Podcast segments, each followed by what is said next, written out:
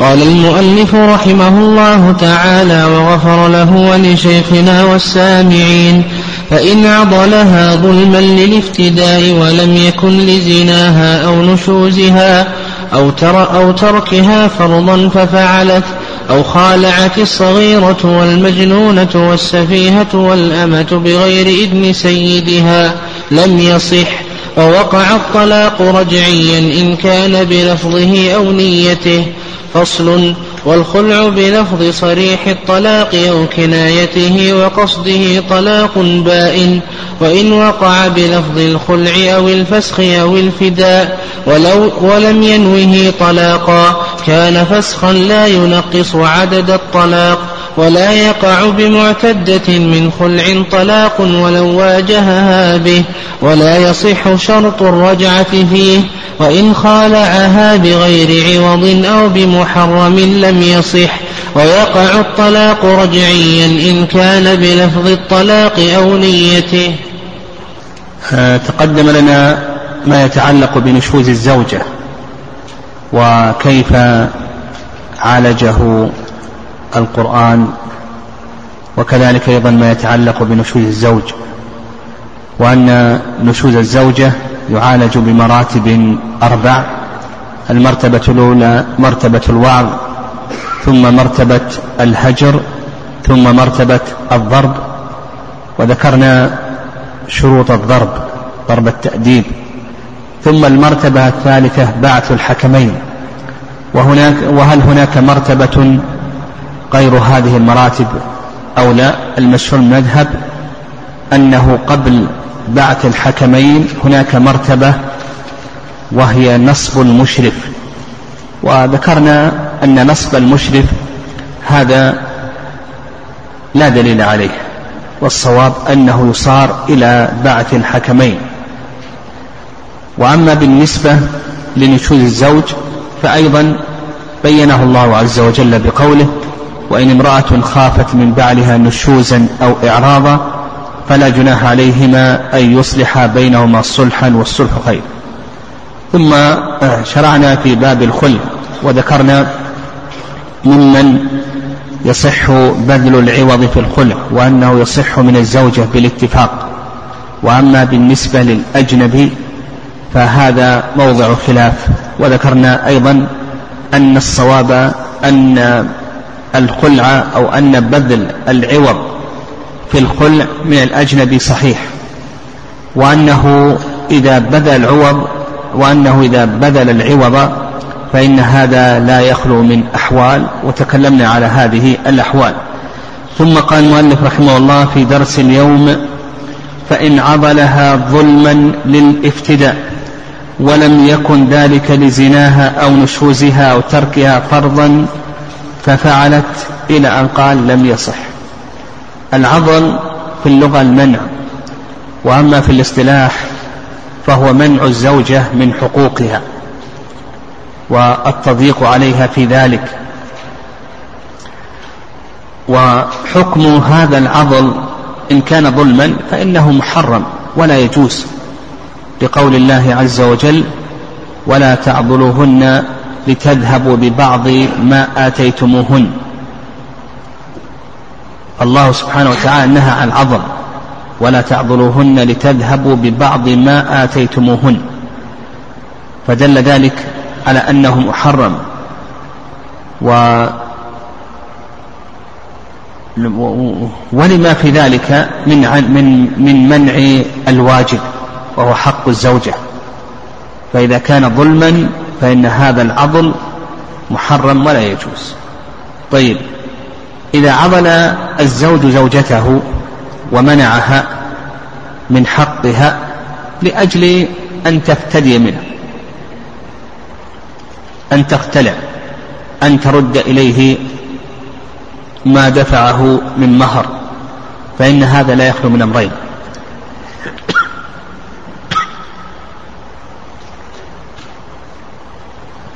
الحمد لله. يهديكم الله سبحانه الأمر الأول أن يكون ذلك بغير حق أن يكون ذلك ظلما بغير حق وإنما لكي ترد عليه ما دفع إليها من مهر. فهذا كما سلف محرم ولا يجوز وذكرنا دين التحريم.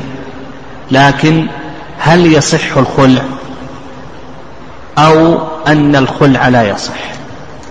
المشهور من مذهب الإمام أحمد رحمه الله تعالى أن الخلع لا يصح وهذا أيضا مذهب الشافعية نعم أن الخلع لا يصح لما تقدم من قول الله عز وجل ولا تعضلوهن لتذهبوا ببعض ما آتيتموهن فالعضل محرم وإذا كان محرما فإن النهي يقتضي الفساد فالخلع لا يصح ويجب عليه أن يرد المال الذي أخذ منها. والرأي الثاني وهو رأي الحنفية والمالكية أن الخلع صحيح لكن لا يجوز له أن يأخذ المال. وإنما قالوا بصحة الخلع لقول الله عز وجل ولا تمسكوهن ضرارا لتعتدوا. فعندنا رأيان. الرأي الأول أن الخلع لا يصح وهذا رأي الشافعي والحنابلة. والرأي الثاني أن الخلع صحيح لكن لا يجوز له أن يأخذ المال. والذي يظهر والله أعلم أن الخلع لا يصح. ويجب عليه أن يرد المال الذي أخذ من المرأة ولا يجوز له أن يضيق عليها بل يجب عليه أن يعاشرها بالمعروف. فإن كرهها فإنه لا يعذرها لكي تفتدي منه. وقد جعل الله عز وجل له مخرجا وهو الطلاق. لكن كونه يعضلها لكي تفتدي منه فنقول بأن هذا محرم ولا يجوز وهل يصح الخلع أو لا يصح؟ ذكرنا في ذلك رأيين. ولو قيل بصحة الخلع ما دام أن هناك مضارة من قبل الزوج كما قال الحنفية وكذلك أيضا المالكية. نعم. لو قيل بصحة الخلع لكي تتخلص المرأة ما دام أنه قد ضارها وحرمة المال عليه فهذا أيضا له وجه. يعني ما ذكره الحنفية والمالكية أيضا هذا له وجه. فيعامل بالأضيق يقال بأن الخلع صحيح وقد بانت منك الزوجة بينونة صغرى ويحرم عليك أن تأخذ هذا المال لأنك أخذته بغير حق. هذا القسم الأول وهو أن يكون العضل بغير حق أن يكون العضل ظلما. القسم الثاني أن يكون العضل بحق.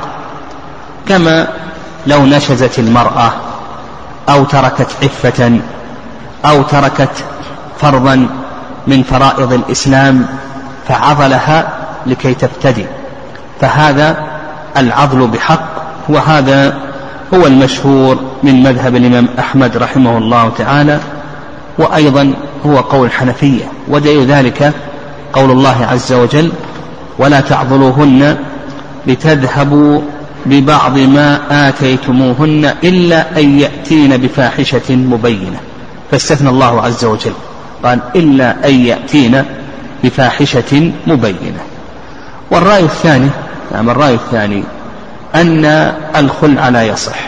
نعم الرأي الثاني أن الخلع لا يصح ولا يحل له ما أخذ وهذا رأي الشافعية. نعم وهذا رأي الشافعية.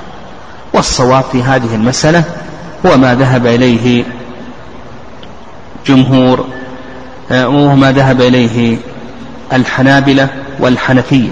نعم الصواب في هذا هو ما ذهب إليه الحنابلة والحنفية وأن العضل صحيح ويحل له ما أخذ من المال. قال المؤلف رحمه الله فإن عضلها ظلما للافتداء ولم يكن لزناها أو نشوزها هذا تقدم أنه إذا كان العضل بحق كما لو تركت العفة أو نشزت أو تركت واجبا من فرائض الإسلام فهذا عضل بحق. ونقول بأن الخلع صحيح ويحل له ما أخذ. قال أو خالعت الصغيرة. لأننا نشترط في من بذل العوض في الخلع أن يكون ممن يصح بذله والصغيرة لا يصح بذلها. الصغيرة هذه لا يصح بذلها للعوض. وعلى هذا إذا خالعت الصغيرة نقول بأن خلعها لا يصح. وكذلك أيضا المجنونة لأن المجنونة أيضا لا يصح أن تبذل العوض.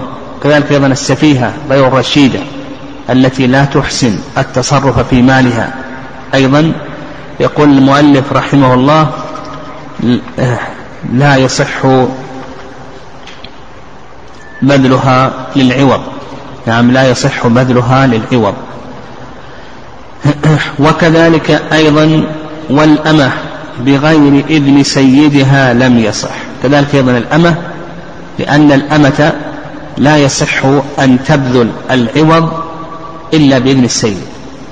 فمن ذكر المؤلف رحمه الله من صغيرة ومجنونة وسفيهة وأمة إلى آخره لا يصح بذلهم أو لا يصح بذلهن للعوض لكونهن حجر عليهن لكونهن محجور أو محجورا عليهن. فبذلهن للعوض لا يصح وعلى هذا نقول بأن الخلع, الخلع لا يصح. قال ووقع الطلاق رجعيا إن كان بلفظه أو نيته. يقول لك المؤلف رحمه الله الخلع لا يصح لكن بالنسبة للطلاق يقع. إذا كان بلفظ الطلاق. فمثلا لو أن الأمة خالعت زوجها وأعطته دراهم وقال الزوج طلقتك بهذه الدراهم. وش حكم الخلع؟ الخلع لا يصح لخلوه من ممن يصح بذله للعوض فالخلع لا يصح. لكن يقول المؤلف رحمه الله يقع الطلاق لوجود لفظ الطلاق. كذلك أيضا هذا إذا كان قال لك ووقع الطلاق رجعين كان بلفظ كان بلفظ الطلاق. أو نيته يعني إذا لم يكن بلفظ الطلاق لكن يعني ليس بلفظ صريح الطلاق. لكن بلفظ كناية من كنايات الطلاق أو بلفظ الخل أو الفسخ هذه كلها من كنايات الطلاق. وقد نوى الطلاق. قال للأمة خلعتك وهو ينوي الطلاق. بهذه الألف أو فسختك وهو ينوي الطلاق. بهذه الألف. وش الحكم هنا؟ ما حكم الخلع؟ الخلع لا يصح لما تقدم من التعليل.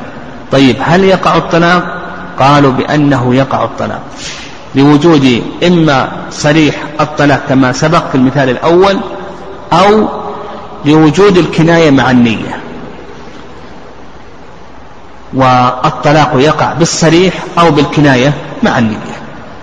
وهذا ما ذهب إليه المؤلف رحمه الله تعالى. نعم هذا ما ذهب إليه المؤلف رحمه الله تعالى والصواب في هذه المسألة أنه لا يقع الطلاق لأن الزوج نعم لأن الزوج إنما تلفظ بالطلاق على أنه ماذا؟ على أنه خلع وليس طلاقا فهو لم يقصد لفظ الطلاق لذاته وإنما قصد لفظ الطلاق على أنه خلع وليس طلاقا فالصواب في ذلك أنه لا يقع الطلاق. وسيأتينا إن شاء الله يأتينا إن شاء الله أن الخلع ما كان فيه المال بأي لفظ كان سواء كان بلفظ الطلاق أو بغيره من الألفاظ. ما دام أن هناك مالا فنقول الخلع واقع سواء كان بلفظ الطلاق أو بأي لفظ. نعم. فكل فرقة فيها مال فهي خلع بأي لفظ كان. قال المؤلف رحمه الله فصل والخلع بلفظ صريح الطلاق. أو كنايته وقصده طلاق البائع وإن وقع بلفظ الخلع أو الفسخ أو الفداء ولم ينوي طلاقا كان فسخا لا ينقص على الطلاق. هذه مسألة اختلف فيها العلماء رحمهم الله كثيرا وهي هل الخلع ينقص على الطلقات. أو نقول بأن الخلع لا ينقص عدد الطلقات. للعلماء رحمهم الله في هذه المسألة ثلاثة آراء. الرأي الأول وهو المشهور من المذهب. نعم الرأي الأول وهو المشهور من المذهب. التفصيل في هذه المسألة. وأن الأمر لا يخلو من حالتين. الحالة الأولى أن يكون الخلع بلفظ صريح الطلاق أو بلفظ كناية من كنايات الطلاق وينوي الطلاق. فهنا ينقص على الطلقات ها؟ المذهب الحالة الأولى ماذا؟ أن يكون بلفظ الطلاق أو يعني بلفظ صريح الطلاق أو بكناية من كناية الطلاق ويقصد الطلاق. فهذا ينقص على الطلقات الحالة الثانية أن يكون بلفظ كناية من كناية الطلاق كالفسخ والفداء يعني كالخلع الخلع خلعتك فسختك وكذلك أيضا بلفظ الفداء. ولم ينوي الطلاق. يكون بلفظ الفسخ أو الخلع أو الفداء ولا ينوي الطلاق. فهذا يقولون بأنه لا ينقص به عدد الطلقات. نعم. يقولون لا ينقص به عدد الطلقات. هذا هو المشهور من مذهب الإمام أحمد رحمه الله تعالى. الرأي الثاني نعم الرأي الثاني أنه أن الخلع ينقص به على الطلقات مطلقا.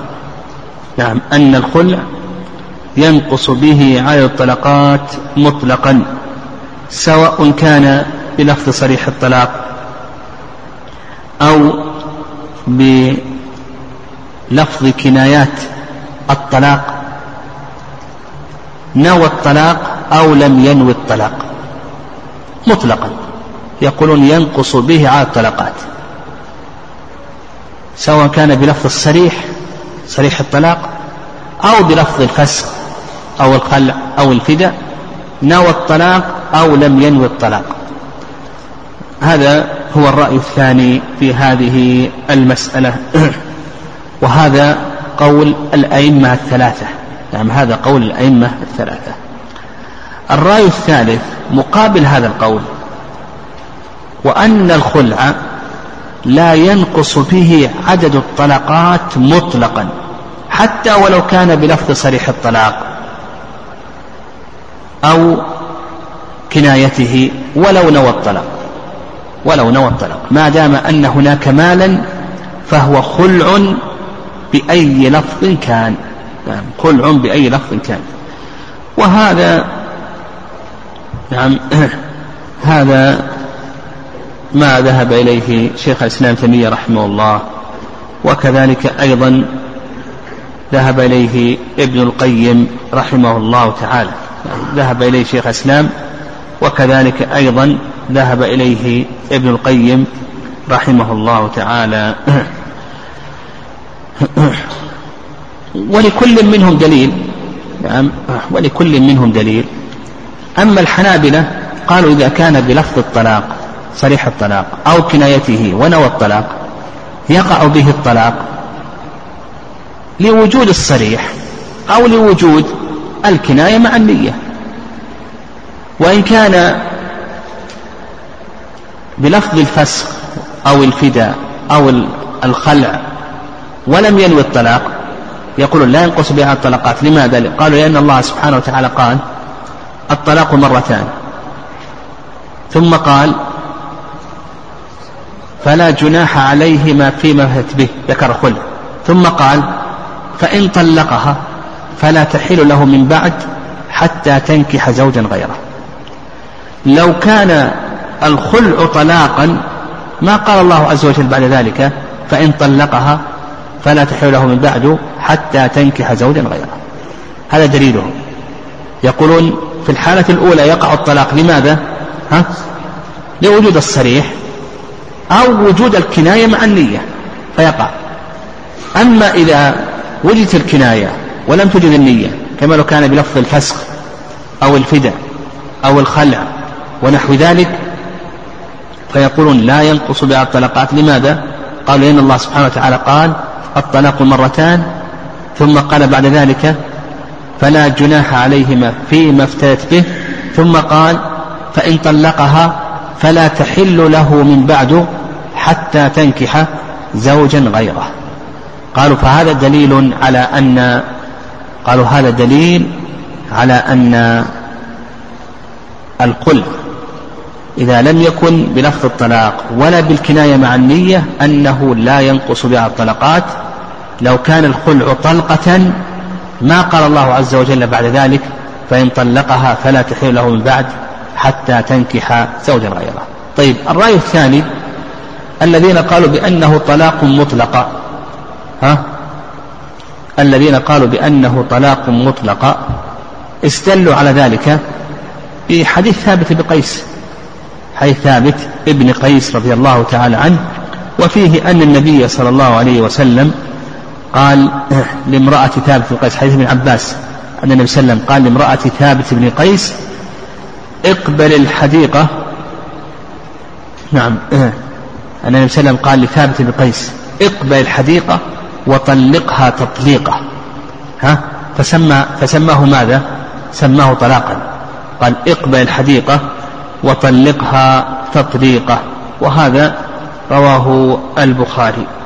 وقالوا بأن الفرقة التي يملك الزوج إيقاعها إنما هي الطلاق دون الفسق يقول الفرقة التي الفرقة التي يملك الزوج إيقاعها إنما هي الطلاق دون الفسق أما أما الذين قالوا بأنه لا ينقص على الطلاق مطلقا وأنه فسق بأي لفظ كان خلع بأي لفظ كان حتى لو كان بلفظ الطلاق أو بالكناية مع النية.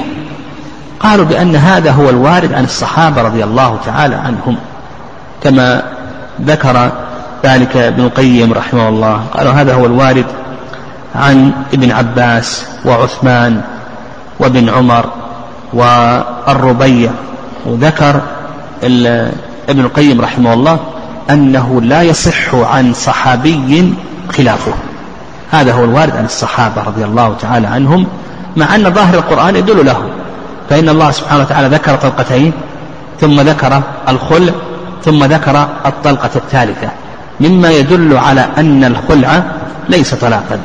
وهذا يشمل ما إذا كان الخلع بلفظ الطلاق أو بلفظ كناية الطلاق مع النية أو بلفظ الفسخ والفداء. والخلع مع عدم النية. وعلى هذا نقول الخلاصة في هذه المسألة أن الخلع لا ينقص به على الطلقات حتى ولو كان بلفظ ماذا؟ لفظ الطلاق. مثلا لو قال طلقتك بألف تقول هذا خلع ولا ينقص بها الطلقات لو عقد عليها مرة أخرى يبقى على ثلاث طلقات. أو قال خلعتك أو قال فسختك وحتى لو نوى الطلاق إلى آخره ما دام أن هناك عوضا فإنه خلع بأي لفظ كان ولا ينقص به على الطلقات.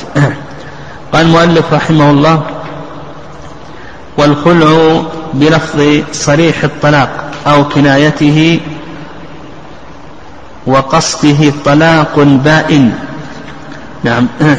قال المؤلف رحمه الله تعالى طلاق بائن.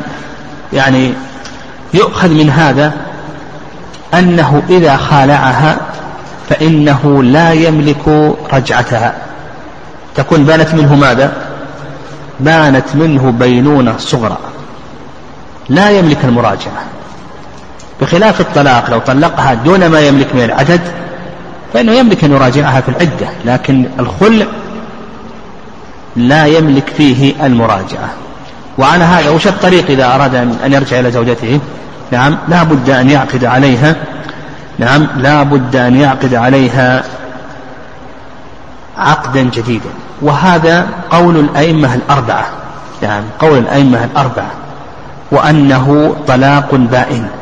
لا يملك فيه نعم لا يملك فيه الرجعة. ودليلهم على ذلك أن الله سبحانه وتعالى قال فلا جناح عليهما فيما افتدت به. نعم. فعبر الله عز وجل بالفداء. مما يدل على ماذا؟ على أن الزوجة كالأسير الذي يحتاج إلى الفداء. فهي الآن تفتدي لماذا؟ لكي تملك نفسها. لو قلنا هناك في فيه رجعة هل ملكت نفسها وما ملكت نفسها؟ ما ما ملكت نفسها. ولهذا عبر الله عز وجل بقوله فيما افتدت به مما يدل على أنها عند الزوج هي كالأسير فهي تدفع هذا العوض لماذا؟ لكي تملك نفسها. نعم تدفع العوض لكي تملك نفسها. والرأي الثاني رأي ابن حزم رحمه الله به قال سعيد المسيب والزهري قالوا أن الزوج بالخيار إن شاء أن يرد العوض وأن يرجع إليها. إذا أراد المراجعة له أن يرد العوض وأن يرجع إليها. وإن شاء أن يمسك العوض ولا يرجع ولا يرجع إليها. نعم والذي يظهر والله أعلم هو ما ذهب إليه جمهور العلماء رحمهم الله لأن الله سبحانه وتعالى قال فيما افتت به مما يدل على أنها ملكت نفسها. نعم هذا نعم. ولأن هذا أيضا يعني الغالب أن الخلع لا يصار إليه إلا مات مع حاجة المرأة إلى الخلع والفداء لكونها متضررة ببقائها مع هذا الزوج.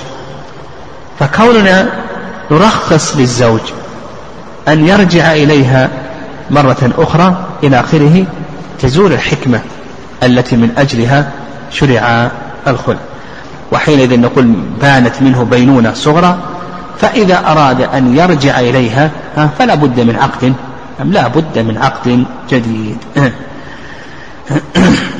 نعم. قال المؤلف رحمه الله ولا يقع بمعتدة من طلاق ولو واجهها به. هذا تفريع على ما تقدم. وقال المؤلف رحمه الله لا يقع بمعتدة. يؤخذ من ذلك أن المختلع عليها ماذا؟ عليها عدة وليس عليها استبراء. والصواب في هذه المسألة أن المخترعة أن عليها استبراء يعني أنها تستبرئ بأي شيء حيضة واحدة. لسنا بحاجة إلى أن تعتد بثلاث حيضات.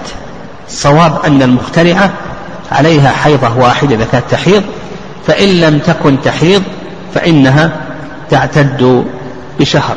يعني فإنها تعتد بشهر. وهذا سيأتينا إن شاء الله في في باب العدد. وأن الصواب في ذلك أن المخترعة أنه عليها ماذا؟ عليها استبراء وليس عليها عدة. وهذا هو الوارد عن عثمان رضي الله تعالى عنه. وهو اختيار شيخ الإسلام تيمية رحمه الله. قال المؤلف من خلع طلاق ولو واجهها به. يعني لما خالعها بانت الآن منه بينونة صغرى فقال لها أنت طالق. هل يقع الطلاق؟ أو نقول بأن الطلاق لا يقع؟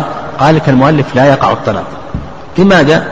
لأنها بانت منها الآن لأنها بانت منه بينونة صغرى.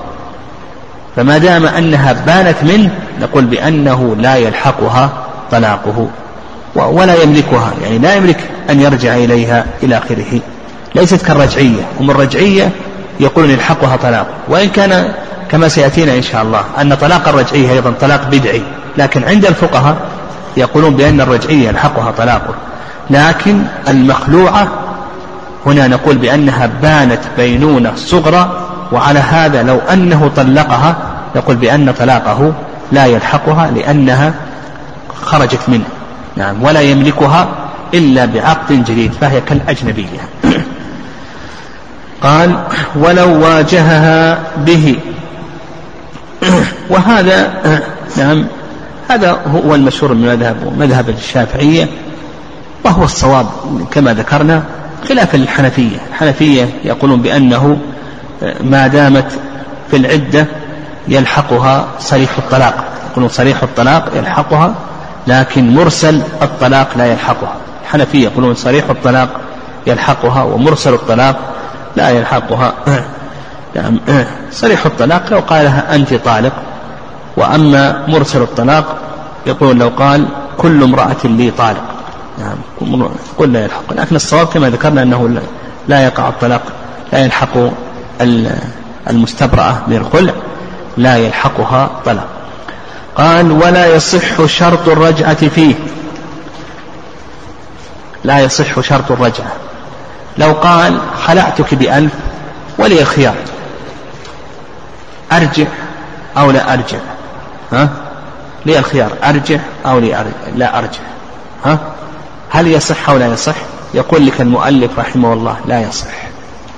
نعم لا يصح. لما تقدم من قول الله عز وجل فيما افتدت به وهي بذلت العوض لكي تفتدي نفسها. نعم لكي تفتدي نفسها. فإذا قال بشرط أن لي الرجعة أو لي الخيار في الرجوع يقول المؤلف رحمه الله لا يصح. وهذا قول جمهور العلماء رحمهم الله تعالى. يعني هذا قول جمهور العلماء رحمهم الله تعالى. والرأي الثاني نعم الرأي الثاني. شيخ الإسلام تيمية رحمه الله قال يقول شيخ الإسلام لو شرط الرجعة في الخلع فقياس المذهب صحة هذا الشرط. يقول لو شرط الرجعة في الخلع قياس المذهب صحة هذا الشرط. وتقدم لنا عندنا قاعدة وهي أن المسلمين على شروطهم. لكن يظهر والله أعلم لنا نقول تصح الرجعة إذا قلنا بصحة الشرط هنا نقول الرجعة تكون صحيحة إذا لم يكن على المرأة ضرر. أما إن كان على المرأة ضرر فإن شرط الرجعة أو شرط الخيار نقول بأنه غير صحيح. لما تقدم أن المرأة إنما بذلت العوض لكي تفتدي لكي تفتدي نفسها. نعم. قال المؤلف وإن خالعها بغير عوض أو بمحرم. وإن خالعها بغير عوض أو بمحرم لم يصح. إذا خالعها بغير عوض. هل يصح ذلك أو لا يصح؟ المؤلف رحمه الله يقول بأنه لا يصح الخلع ويدل لذلك أن الله سبحانه وتعالى قال فلا جناح عليهما فيما افتت به. فدل ذلك على أنه لا بد من المال. قال الله عز وجل فيما افتدت به. دل ذلك على أنه لا بد من المال. والرأي الثاني نعم الرأي الثاني أنه يصح الخلع بغير عوض. وهذا اختيار شيخ الإسلام تيمية رحمه الله. وله دليلان. الدليل الأول نعم نعم الدليل الأول أن العوض حق للزوجين فإذا تراضي على إسقاطه سقط. نعم إذا تراضي على إسقاطه سقط. والدليل الثاني أنه أن, أن الخلع هو في الحقيقة فيه عوض. لأن الزوج إما أن يطلق وإما أن يخلع. فإذا طلق وش سيلزمه؟ يلزمه مدة العدة ما دام الطلاق رجعي يلزم مدة العدة النفقة والسكن. وإذا خلع هل تجب, هل تجب النفقة والسكن لها أو لا تجب؟ نقول لا تجب. فكأنه خالعها بأي شيء؟ بعوض وهذا القول هو الصواب. وعلى هذا نقول يعني آه، آه، هل يصح الخلع بعوض أو لا يصح؟ الرأي الأول أنه لا بد من العوض وهذا قول جمهور أهل العلم لظاهر القرآن. الرأي الثاني أنه يصح بلا عوض. لما ذكرنا من الدين أن العوض حق للزوجين وقد أسقطاه. والدين الثاني أنه في الحقيقة أن هناك عوضا. في الحقيقة أن هناك عوضا لأن الزوج إذا خال سيسقط عنه النفقة والسكنة بخلاف ما إذا طلقها طلاقا رجعيا طلقها طلقة أو طلقتين إلى آخره فإنه آه سينفق عليها مدة العدة. نعم. قال المؤلف رحمه الله وإن خلعها بعوض أو بمحرم. نعم. إذا خلعها بمحرم. إذا خلعها بمحرم لا يخلو ذلك من أمرين. الأمر الأول نعم الأمر الأول أن أن يعلم التحريم. مثلا أعطته مالا مسروقا وهما يعلمان أنه مسروق. ها؟ أعطته مالا مسروقا وهما يعلمان أنه مسروق أو أعطته دخانا وهما يعلمان أنه دخان. فالمؤلف رحمه الله تعالى يقول بأنه لا يصح الخلع. نعم بأن الخلع لا يصح. والرأي الثاني أنه يصح الخلع ولها مهر مثل. وهذا قول الشافعية تقدم لنا قاعدة أنه إذا بطل المسمى في الصداق لكن هذا في الصداق إذا بطل المسمى وجب مهر مثل. والرأي الثالث أن الخلع يصح ولا شيء للزوج. أن الخلع يصح ولا شيء للزوج. والصواب في هذه المسألة أنهما إذا كانا يعلمان التحريم. إذا كان يعلمان التحريم نقول حكم هذه المسألة حكم ما لو خالعها بغير عوض. وتقدم الكلام على لأن المحرم في الشرع وجوده كعدمه. فنقول حكم ذلك حكم ما لو خالعها بغير عوض. وتقدم حكم هذه المسألة. القسم الثاني أن يجهل التحريم. أن أصدقها مالا مسروقا وهما يجهلان أنه مسروق. المرأة تجهل أنها أن هذا هو المال الذي سرقته وهو يجهل أنه مسروق. فنقول الخلع صحيح ويجب بدله. نقول الخلع صحيح ويجب بدله. قال المؤلف رحمه الله ويقع الطلاق رجعيا إن كان بلفظ الطلاق أو نيته ما تقدم من المؤلف رحمه الله يقول إذا كان الخلع بغير عوض على كلام المؤلف يصح أو لا يصح ها؟ لا يصح طيب هل يقع الطلاق أو لا يقع الطلاق يقول المؤلف رحمه الله إن كان الخلع بلفظ الطلاق أو بكناية الطلاق مع النية يقع الطلاق رجعي. وإن كان بلفظ الفسخ أو الفداء أو الخلع ولم ينوي الطلاق فإنه لا يقع به طلاق. واضح؟ تقدم أن الخلع إذا كان بغير عوض أو بمحرم المذهب أنه لا يصح. لكن هل يقع عليها طلاق أو لا؟ قال لك في تفصيل. إن كان بلفظ الطلاق أو بالكناية مع النية وقع الطلاق وإلا لم يقع. والصواب كما أسلفنا في هذه المسألة أنه ماذا؟ أنه لا يقع الطلاق. حتى وإن لم نصحح الخلع نقول لا يقع الطلاق لأنه لم يقصد الطلاق. وإنما قصد ماذا؟ قصد الخلع فهو لم يقصد الطلاق فالصواب أنه لا يقع الطلاق. قال وما صح مهرا صح الخلع به. يقول المؤلف رحمه الله ما صح مهرا صح الخلع به وهذا ضابط. وتقدم لنا ما الذي أو نعم ما هو الذي يصح أن يكون مهرا؟ وقلنا نعم أن المذهب أن كل ما صح أن يكون ثمنا أو أجرة. كل ما صح أن يكون ثمنا أو أجرة. من الأعيان المالية, المالية والمنافع صح أن يكون مهرا وعلى هذا نقول كل ما صح أن يكون ثمنا أو أجرة من الأموال والمنافع آه، من الأعيان والمنافع يصح أن يكون عوض خلع. قال ويكره بأكثر مما أعطاها. نعم. يقول لك المؤلف رحمه الله يكره بأكثر مما أعطاها. لو أنه أمهرها ألف ريال ثم أخذ منها, منها ألفا ومئة. ها؟ ما حكم هذه الزيادة؟ يقول لك المؤلف رحمه الله تعالى بأن هذه الزيادة مكروهة. يعني يقول المؤلف رحمه الله بأن هذه الزيادة مكروهة. وهذا قول جمهور أهل العلم رحمهم الله تعالى. جمهور أهل العلم يقول لا بأس أن يأخذ منها أزيد مما أعطاها لكن يكره ذلك. والشافعية يقولون لا بأس أن يأخذ منها أزيد مما أعطاها ولا يكره ذلك. فالجمهور يجوزون الزيادة لكنهم يختلفون في أي شيء ها في الكراهة.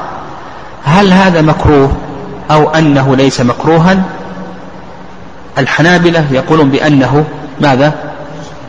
أنه يكره. الشافعية يقولون بأنه لا يكره. واستدلوا على ذلك لأن الله سبحانه وتعالى قال فلا جناح عليهما فيما فيت به وهذا يشمل القليل والكثير. وكذلك أيضا بأن هذا هو الوارد عن الصحابة رضي الله تعالى عنهم فهو الوارد عن عثمان. رضي الله تعالى عنه بسند حسن. وكذلك أيضا وارد عن ابن عمر رضي الله تعالى عنهما وعن عمر إلى آخره. وارد عن الصحابة رضي الله تعالى عنهم. الرأي الثاني أنه لا يجوز أن يزيد عليها لا يجوز أن يأخذ منها أكثر مما أعطاها. يعني أنه لا يجوز أن يأخذ منها أكثر مما أعطاها. وهذا قال به حسن البصري والأوزاعي والزهري. واستدلوا على ذلك بما جاء في قصة امرأة ثابت بن قيس أن النبي صلى الله عليه وسلم قال أما الزيادة فلا. يعني امرأة ثابت بن قيس أما الزيادة فلا. النبي صلى الله عليه وسلم قال أترد أتردين عليه حديقته؟ قالت وزيادة. قال أما الزيادة فلا. وهذا أخرجه الدار قطني. هذه اللفظة يعني أخرجها الدار قطني وصححها. يعني و ليست ثابتة في الصحيح. يعني ولهذا اختلف أهل الحديث في هذه اللفظة هل هل هي ثابتة أو ليست ثابتة. نعم والذي يظهر والله أعلم أنها ليست ثابتة هذه اللفظة. وكذلك من قالوا بأن هذا وارد عن علي بن أبي طالب رضي الله تعالى عنه. والذي يظهر والله أعلم ما ذهب إليه جمهور أهل العلم. وما ذهب إليه المؤلف وهو المذهب أن أن أن كونه يأخذ زيادة أن هذا جائز لأن هذا هو الوارد عن الصحابة رضي الله تعالى عنهم وهم أعرف بالقرآن وأعلم به. وهو ظاهر القرآن لكن يكره ذلك يعني بأن هذا خلاف المروءة يعني خلاف المروءة كونه يعطيها ألف ريال وقد يكون دخل بها ثم بعد ذلك يطالبها بألف ومئة أو بألفين إلى آخره يقول هذا خلاف يعني هذا خلاف المروءة. فنقول لا بأس أن يأخذ أزيد مما أعطاها لكن هذا يكره كما نص عليه الحنابلة رحمهم الله تعالى. قال المؤلف رحمه الله تعالى وإن خالعت حامل بنفقة عدتها صح. نعم إذا خالعت حامل بنفقة عدتها. يقول المؤلف رحمه الله صح ذلك. يعني قالت الحامل الحامل تجب لها النفقة لأن النفقة لأي شيء؟ للحمل وليس للمرأة النفقة للحمل. هو الزوج لما خالعها بانت منه ولم تبن منه؟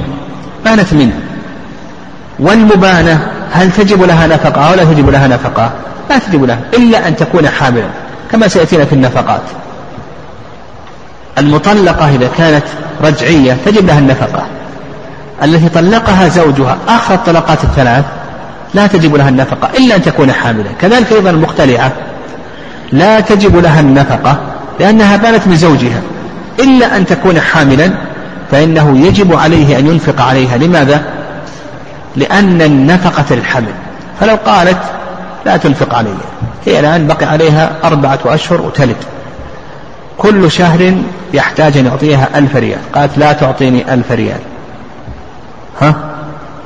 واخلعني هل يصح ذلك أو لا يصح؟ يقول المؤلف رحمه الله يصح. يعني لأنه لأنه في الحقيقة أنه خالعها بأي شيء؟ بعوض لأنها أيضا ستنتفع. حتى وإن قلنا بأن النفقة للحمل أيضا هي ستنتفع بهذه النفقة. وتقدم أنه اختيار شيخ الإسلام تيمية رحمه الله أنه يصح الخلع وإن كان بغير عوض. قال ويصح بالمجهول. يقول المؤلف رحمه الله يصح الخلع بالمجهول. نعم. لعموم قول الله عز وجل فلا جناح عليهما فيما افتدت به. نعم. لا جناح عليهما فيما افتدت به. وقياسا على الوصية كما أن الوصية تصح بالمجهول ولأن العوض في مثل هذه المسائل هل هو مقصود أو ليس مقصودا؟ ليس مقصودا لأن المقصود هنا هو افتكاك المرأة من هذا الأسر وتخليصها من هذا الزوج الذي ساءت العشرة بينهما. فيصح حتى ولو كان العوض مجهولا. قال رتب المؤلف رحمه الله قال فإن خالعته على حمل شجرتها. صح ذلك هذا مجهول لا ندري. ما تحمل الشجرة؟ قد تحمل صاعا أو صاعين قد تحمل صاعا من التمر هذه النخلة قد تحمل صاعين ثلاثة أربعة إلى آخره مئة قد تحمل أقل. أو أمتها ما ندري إيش تحمل هل تحمل بذكر تحمل بأنثى بذكر وأنثى إلى آخره. أو ما في يدها أيضا. قالت اخلعني بما في يدي. قد يكون الذي في يده قد يكون آه، يساوي ألفا ألفين مئة مئتين إلى آخره. أو من دراهم أو متاع أو على عبد صح في بيت من الثياب ما في بيت من الدراهم. يقول المؤلف رحمه الله صح. أو على عبد يعني تشتري له رقيقا وتعطي إياه. يقول المؤلف رحمه الله يصح. قال وله مع عدم الحمل والمتاع والعبد أقل مسمى. لأن هذه أعيان وسبق لنا قاعدة وسيأتينا إن شاء الله في الأيمان أن الأعيان يرجع فيها إلى الحقائق اللغوية. هذه قاعدة. فإذا خالعته على ما تحمل بقرتها. ما حملت البقرة؟ البقرة ماتت ولم تحمل البقرة. نعطيها أقل مسمى الحمل. ما يسمى حملا؟ نعطيه إياه. المتاع مثلا الثياب. خلعته على ما في بيتها من متاع أو ثياب. ما يسمى ثوبا نعطيه إياه. ثم لم نجد متاعا في البيت. لم نجد أثاثا. لم نجد ثيابا. ما يسمى ثوبا ما يسمى متاعا نعطيه إياه. ومثله أيضا قال لك العبد ومع عدم الدراهم ثلاثة لأن هذا هو أقل الجمع إلا إذا كان هناك عرف. المهم في مثل هذه الأعيان نرجع إلى ماذا؟ ها؟ إلى الحقائق ماذا؟ اللغوية. إلا مع العرف نرجع إلى العرف. إذا كان هناك عرف نرجع إلى العرف. فإذا خالعته على ما في جيبها من الدراهم ثم تبين أن الجيب ما في شيء. نقول أعطيه كم؟ ثلاثة لأن هذا هو أقل الجمع إلا إذا كان هناك عرف.